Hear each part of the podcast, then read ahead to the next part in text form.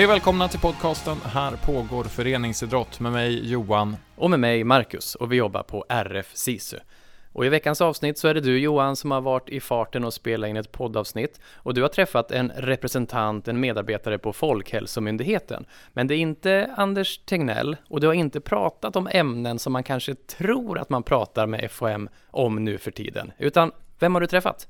Jag har träffat Kristel Lynch eh, och vi har inte pratat direkt om pandemitider och restriktioner och sådär, men kanske ändå pratat om saker som kan bli en bieffekt av det som vi lever i just nu i, under pandemitid. Eh, vi har pratat om en utbildning som de har tagit fram som heter Ledare som lyssnar. Eh, och ja, det stora eh, syftet med den är ju att försöka motverka psykisk ohälsa bland våra barn och ungdomar. Mm. Och få fler lyssnare, fler närvarande vuxna som lyssnar på utövare. Men det här är inte ett uppdrag som man har fått eh, under 2020 och pandemi, utan som jag har förstått det så är det här någonting som är planerat sedan tidigare. Mm, man fick uppdraget 2018 utav eh, regeringen eh, och har sedan utvecklat utbildningen sedan dess och lanserade den i februari i år, vilket ju kan tyckas ja, vara lite oturligt med tanke på då att vi gick in i en pandemitid i mars sen. Eh, så att eh, de, spridningen kanske inte har gått riktigt så bra som de hade hoppats, eh, men det är ändå ganska många som har genomgått, eller det är många som har genomgått den här utbildningen. Och det är ju tack vare att den är digital och att man då har haft möjligheten att göra det här i sin ensamhet hemma på ett ganska enkelt sätt. Är det bara Folkhälsomyndigheten som har varit inblandad i arbetet eller hur ser kopplingen till idrottsrörelsen ut? De har haft koppling till egentligen alla olika sammanhang där det finns ledare som träffar barn. Så att eh, självklart har de haft samarbete med idrotten, både med SISU kring utbildningsmaterial som finns kopplat till det, eh, också Riksidrottsförbundet, eh, men även men även andra ideella föreningar som har haft med barn och unga att göra, som kulturföreningar eller kyrkan och så vidare.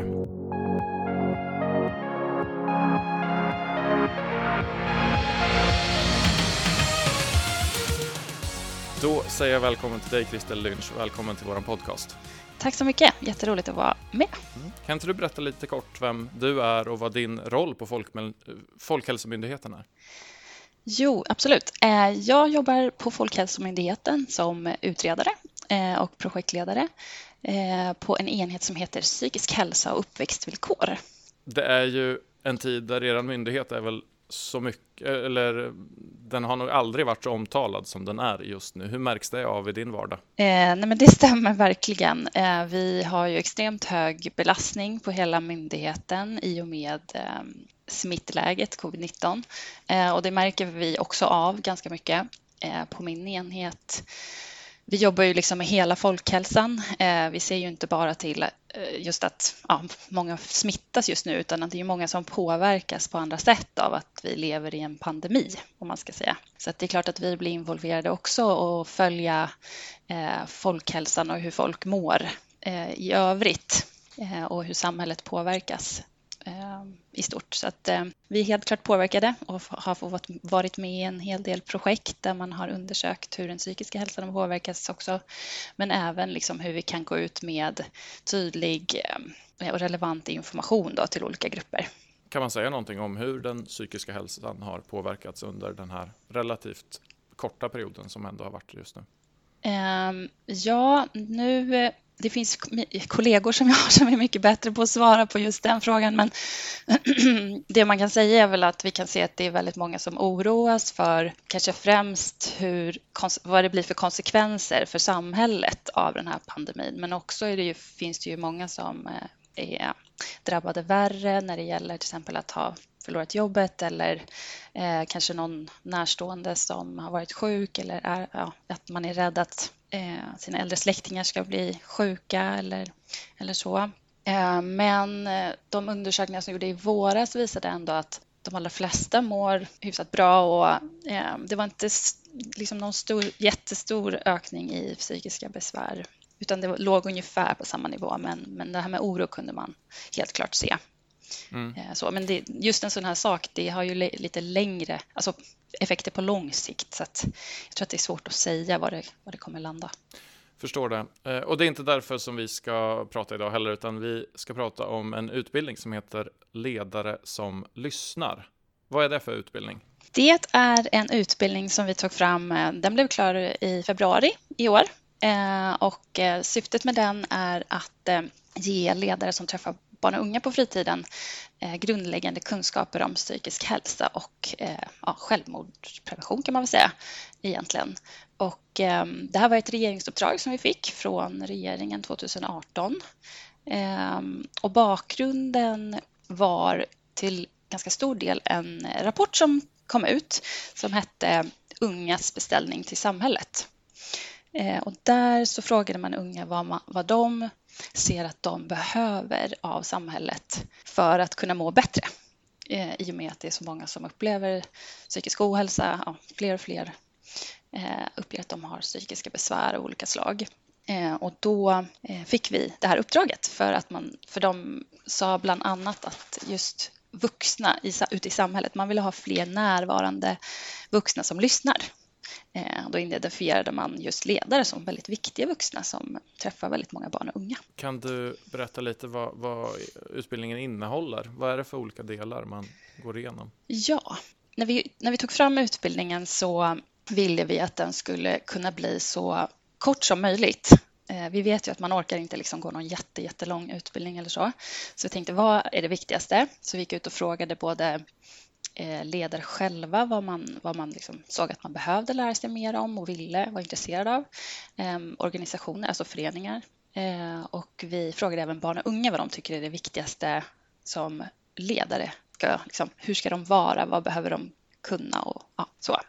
Eh, så då handlade det dels om så här grundläggande kunskaper. Vad är psykisk hälsa? Hur, liksom, allt från liksom, det mest så här främjande till eh, Eh, även det här förebygga då, när man mår riktigt dåligt. Och sen vill man även veta hur man upptäcker psykisk ohälsa, hur, någon som mår dåligt och hur man ska göra om man, om man träffar någon då som mår dåligt och som behöver stöd.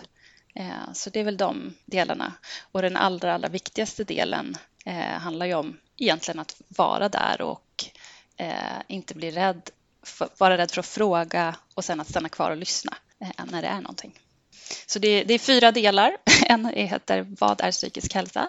Den andra delen heter eh, Hur du kan stärka den psykiska hälsan. Den tredje delen heter Hur du kan upptäcka att någon mår dåligt. Eh, den fjärde heter Hur du lyssnar och ger stöd. Och det är den allra det är liksom den lite större eh, delen.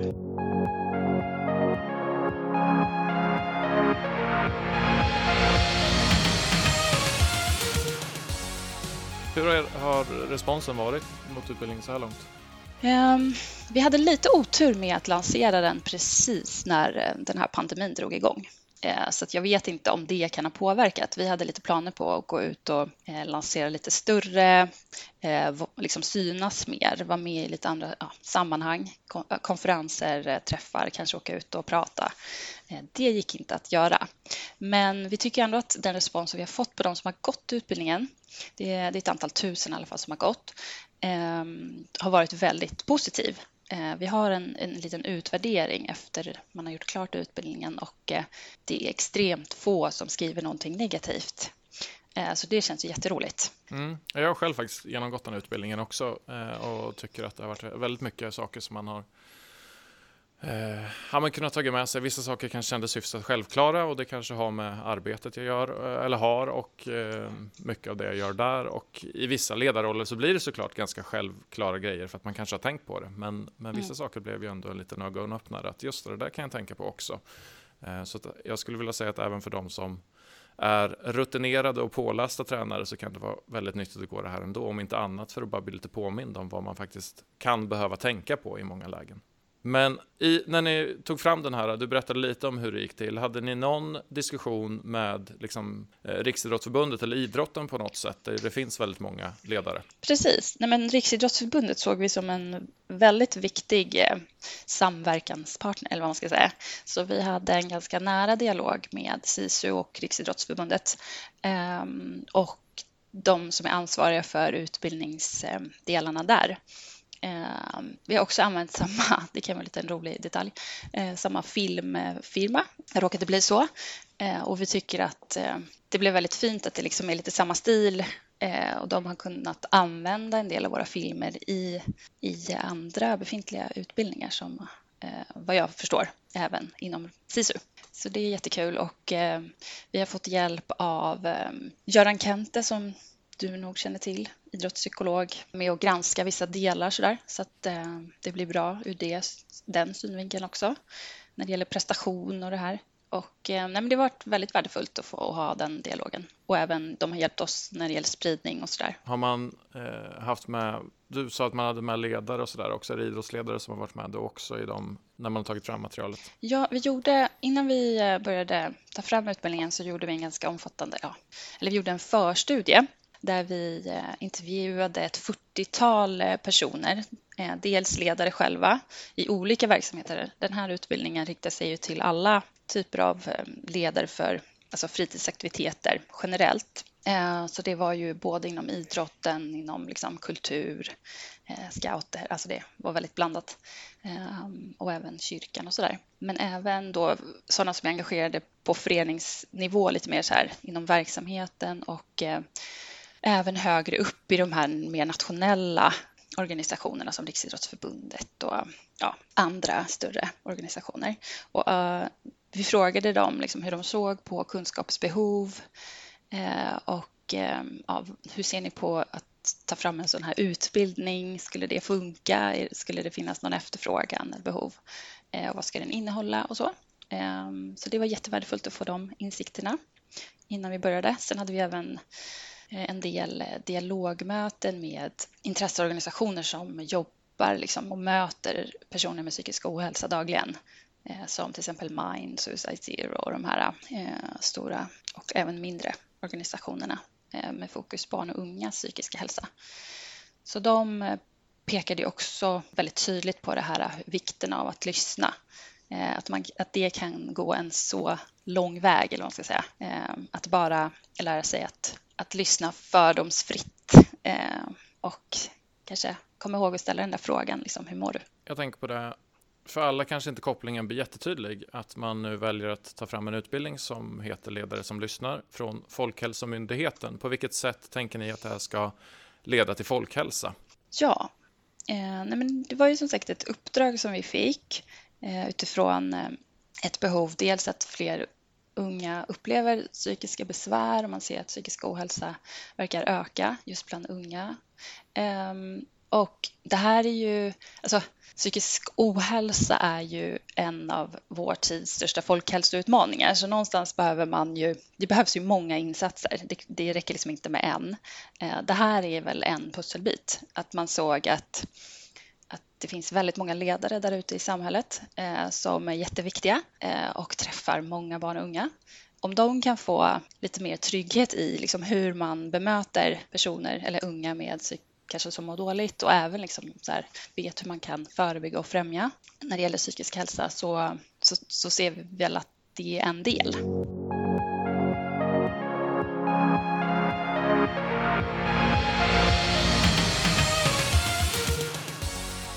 Är det ett nytt sätt för er på Folkhälsomyndigheten att jobba med den här typen av utbildningar? Ja, men det är det faktiskt. Eh, vi har inte fått ett sånt här typ av uppdrag innan. Det är första gången vi får ett uppdrag att ta fram en, en webbutbildning eller e-utbildning. Ehm, men vi, vi ser ju att det är många andra som får liknande uppdrag också, andra myndigheter och så. Det verkar ligga i tiden. Och att jag tror att det handlar om att göra det tillgängligt för alla. Ja, är det så? Eh, för ni valde att göra nätbaserad och det kan ju kännas självklart nu med tanke på att vi lever i en pandemi. Men mm. den här kom ju som du sa eh, ut precis innan egentligen pandemin. Så det här var ju planerat att vara nätbaserat redan innan. Mm. Eh, var det liksom en del av beställningen eller var det liksom självklart för er att ska vi ha en sån här typ av utbildning, men då måste vi göra den nätbaserad för att nå ut till så många som möjligt? Eller gick ni i tankar om att göra det till en fysisk utbildning också? Nej, det hade vi aldrig. Det var egentligen inte vårt val heller, eh, utan det stod uttalat i uppdraget att den skulle vara webbaserad. Det stod i och för sig liksom inte att det behövde vara en, eh, vad ska man säga, ligga i en utbildningsplattform eller så här, utan det kan ju vara utbildningsmaterial eller ja. Men vi valde ändå att ta med så pass mycket så här rörligt material och sånt som är enkelt att ta till sig eh, som möjligt så att, och göra den ganska varierad. Eh, vi delar upp den i flera delar. Eh, men försök att tänka att det ska vara så enkelt som möjligt att gå den. Alla har inte alltid flera timmar, men det här kan man gå liksom, vissa delar är ju, tar väl 10-15 minuter och vissa tar 25-30 minuter så att det, det ska vara eh, lättsmält om man säger så precis som vi tänker kring den här podden också, att det ska finnas möjlighet att lyssna på den. Kanske i vårt fall då, eftersom man inte behöver sitta vid en skärm heller, på vägen till eller från en träning eller arbete eller sådär också. Mm. Men att det sen också gå att ta diskussionen vidare in i större grupp. Och du sa också att, att ni har eh, vissa diskussionsmaterial kopplade till utbildningen också. Ja, det har vi också. Men vi, vi kände väl det att eh, man ska kunna välja lite vad man, hur mycket man vill fördjupa sig. Eh, så att om man som ledare eller kanske som förening vill gå vidare och liksom fundera eh, lite bredare kring vissa frågor så har vi tagit fram diskussionsunderlag. Och de är uppdelade i olika områden. Det kan handla om normer, inkludering. Jag tror att en del handlar om sexuella trakasserier, övergrepp. Ehm, det handlar om mobbning. Ja, det är flera delar. Jag tror att det är sex olika delar ehm, som man kan gå vidare och fördjupa sig i. Just det. Och de här hittar man på er hemsida? Ja, precis. Ledare som lyssnar.se. Eh, jag tänkte avslutningsvis nu, eh, för de ledare som lyssnar på det här nu och har inte genomgått den här utbildningen än eh, och kanske är lite tveksamma till, ah, ska jag verkligen lägga tid på det där? Vad skulle du kunna säga till dem för att övertyga dem att jo, men ni borde lägga den här tiden på att genomgå den här utbildningen? Ja, jag tycker man ska se det som liksom att man man får en kompetensutveckling för sig själv, för sin egen skull, men också att man, alltså att man kan bli en ännu bättre ledare för de barn och unga som man leder. Ehm, att man blir, alltså målet är att man ska bli mer närvarande, stödjande och trygg i de, alla olika möten man har med barn och unga. Ehm, och att man, man vet vad man ska göra om man, man stöter på någon som faktiskt mår dåligt och kan behöva lite guidning vidare, helt enkelt.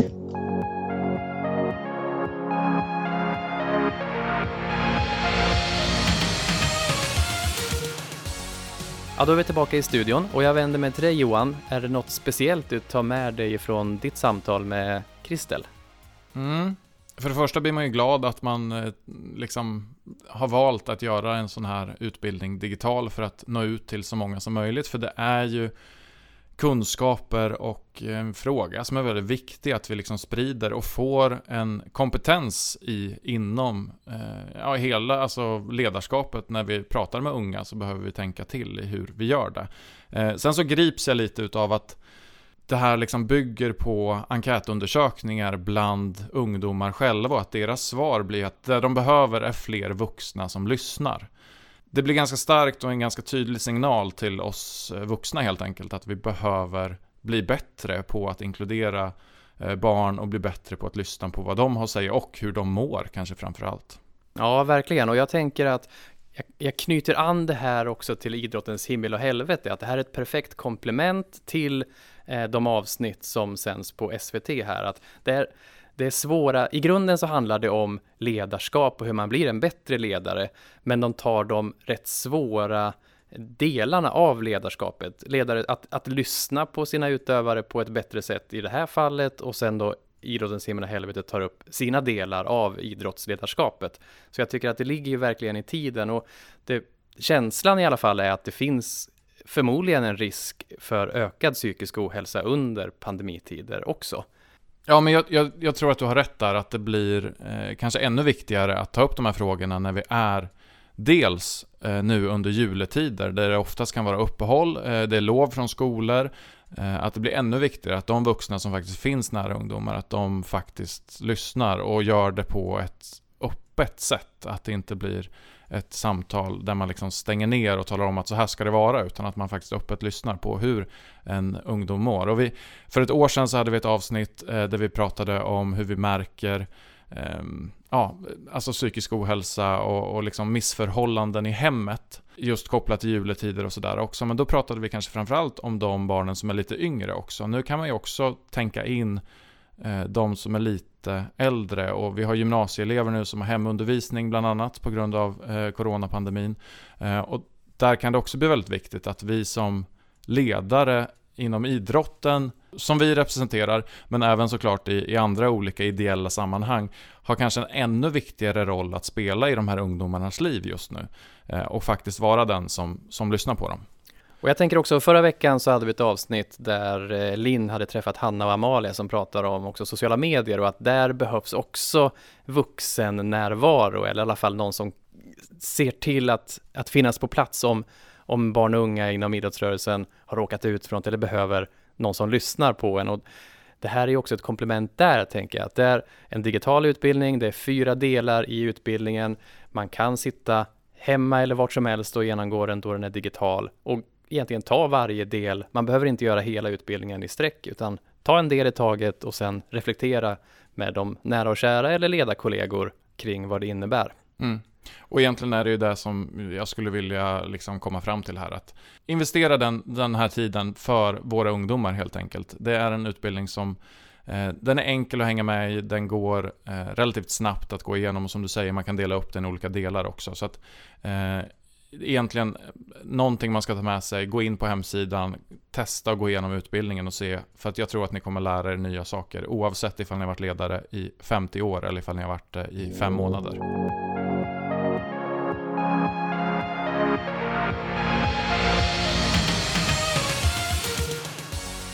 Du har lyssnat på ett avsnitt av podcasten Här pågår föreningsidrott som görs av RF SISU. I veckans avsnitt pratade vi om ledarutbildningen Ledare som lyssnar som skapats av Folkhälsomyndigheten. Om du är intresserad av att genomgå den utbildningen så hittar ni den digitalt på www.folkhälsomyndigheten.se ledare som lyssnar. Vill du komma i kontakt med oss i podden så gör du det enklast via vårt Instagramkonto. Där heter vi Här pågår föreningsidrott i ett ord. Du kan också mejla till oss på mejladressen podd rfsisu.se podd rfsisu.se och med det så vill vi också passa på att önska er alla en riktigt god jul och ett gott nytt år och ber er att vara försiktiga och ta hand om varandra. Vi hörs igen efter jul och nyårshelgerna.